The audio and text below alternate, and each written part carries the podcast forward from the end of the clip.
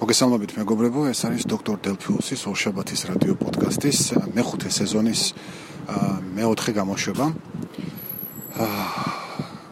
კარგია რო კვირა არ ჩავახდეთ და დღეს ორშაბათს წერ ამ გადაცემას.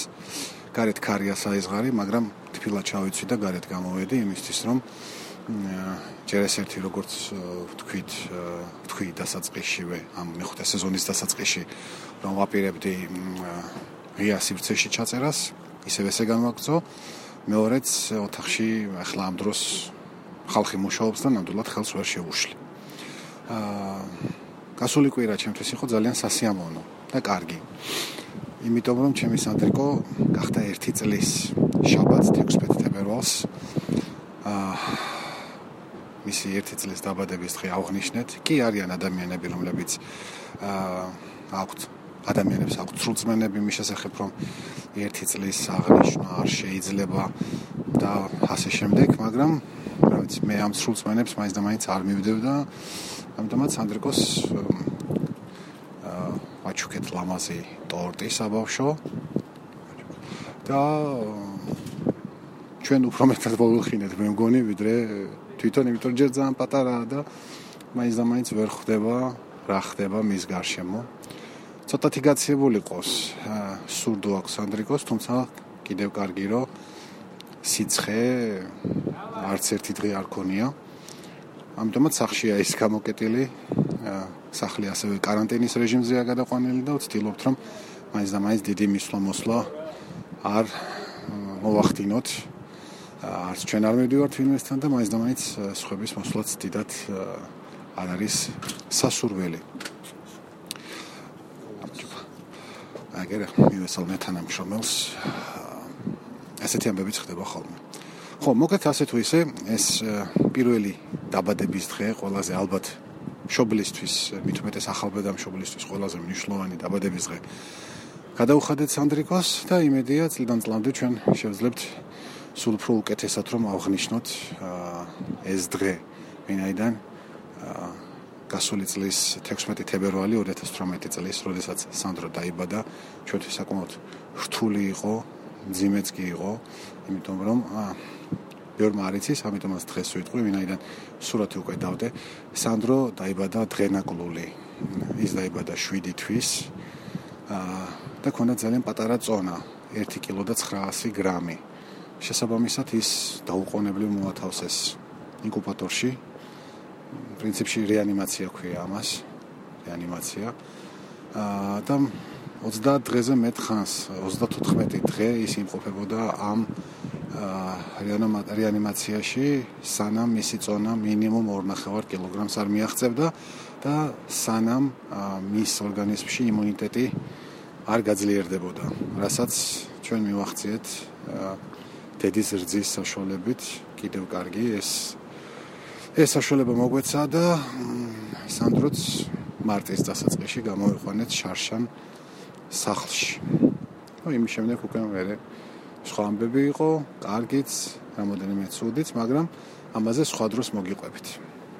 ასე თუ ისე ახლა სანდრიკოს სახლშია ერთობა და თავისი ბებიები ჭუიდან გადაყავს თავისი ცელკობითაც და თავისი უკიდეგანო სიყვარულითაც მათ მიმართ.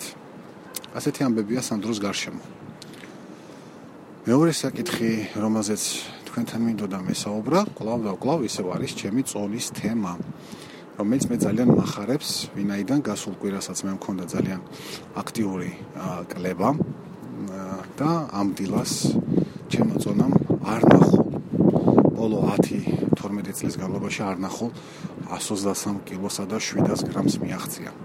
თუ გავითვალისწინებთ, რომ კლება დავიწყე იანვრის სადღაც შუა რიცხვებში და მაშინ წონა იყო 135 კილო, სახეზე გვაქვს დაახლოებით 12 კილოიანი შედეგი, რაც მე ფანტასტიკურად מחარებს.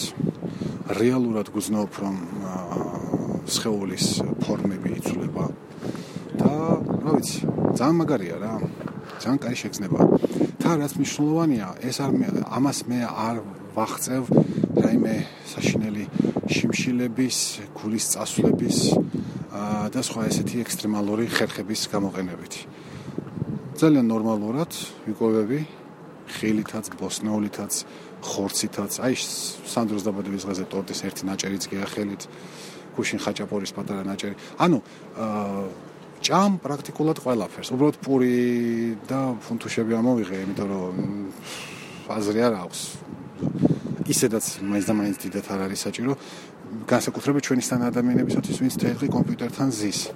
აა ჩვენ არ გვაქვს ფიზიკური მე ყოველ შემთხვევაში არ მაქვს ფიზიკური აქტიური სამუშაო, რომ კონდეს კალორიების რაღაც უდიდესი ხარჯვა დღის განმავლობაში. თეთრ დღეს ვარ კომპიუტერთან, საათში ერთხელ დგები რამდენიმე წუთით, დავდივარ ფეხს გავშლი, მე ისევ ვჯდები. ასე რომ კალორიები დიდათ არ მეხარჯება. ამიტომაც მაინც და მაინც არ მაქვს უფლება ეს კალორიები მივიღო. მაგრამ ასე თუ ისე ორგანიზმი მიხვდა რომ იმას არ შევარჩენ არცაც იმ ზედმეთ გრამ ცხიმს რომელიც დამეკროდა ამ ხნის განმავლობაში და ემორჩილება სხვა რა გზებს. მიდის და თონა ქვემოთ და ქვემოთ მიდის. მე კიდე სულ უფრო და უფრო მომჯობესდები ამ თვალსაზრისით. რაც მე ძალიან מחარებს. მოკლედ წონის შესახებ შემდეგ ორ შაბათსაც აუცილებლად გეტყვით აა რა შედეგია? იმედია რომ კვლავ კლება იქნება და ну როგორც მინიმუმ 121 ან იქნება 120 სანუკვარი პირველი მაილსტოუნიც იქნება მიღწეული 120 კილოგრამის სახით ამაზე შემდეგ კვირას ვისაუბროთ მესამე თემა რასაც დღეს ორიოდე სიტყვით დაგელაპარაკებით და ამით პრინციპში დავასრულებ ჩემს დღევანდელ პოდკასტს არის ის რომ აა მე უკვე რამდენიმე თვის განმავლობაში ვცდილობ ერთი custom ასე ვთქვათ custom PHP კოდზე დაწერილი საიტის იმპორტს WordPress-ში.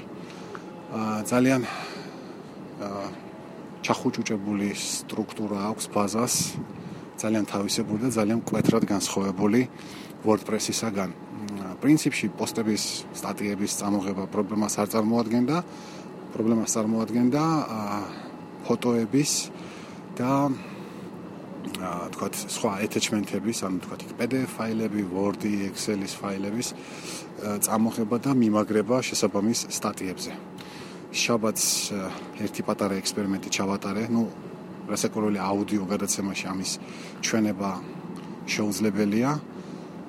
აა მაგრამ ექსპერიმენტი დასრულდა ძალიან წარმატებით და ამ კვირაში მე დაგეგმილი მაქვს სატესტოდ რამოდენიმე ათეული ჩანაწერის იმპორტი WordPress-ის სუფთა ბაზაში. სატესტო იმიტომ რომ რეალური ბაზა დაახლოებით 15000 სტატიას მოიცავს და მისი იმპორტი ალბათ რამდენიმე დღეც კი გაგრძელდება. ну, რა თქმა უნდა, დავჭრი ამ ბაზას აწილებად, თქვა 1000-1000 ჩანაწერად და ესე გავუშვებ, იმიტომ რომ წინააღმდეგ შემთხვევაში ვერ გაუძლებს უბრალოდ იმპორტის ფუნქცია და რეჟიმი. მოგეთ აი პატარა მინდოდა თქვენთან მეტრაბახა ამის თემაზე და ისევე როგორც წონის შესახებ, აა ამის შესახებაც შემდეგი კვირის გადაცემაში გეტყვით, რამდენად გამომივიდა რეალურ რეალურ რეჟიმში ბაზის იმპორტი. ნახოთ. აა ეს არის პრინციპში სულ ყველაფერი ის თქოს მინდოდა გადაცემაში. დიდი მადლობა თუ ვინმე მისმენთ. წარმატებულ კვირას გისურვებთ ყველას. მეც საკუთარ თავს აუცილებლად ამას უსურვებ და მომავალ შეხვედრამდე. ნახვამდის.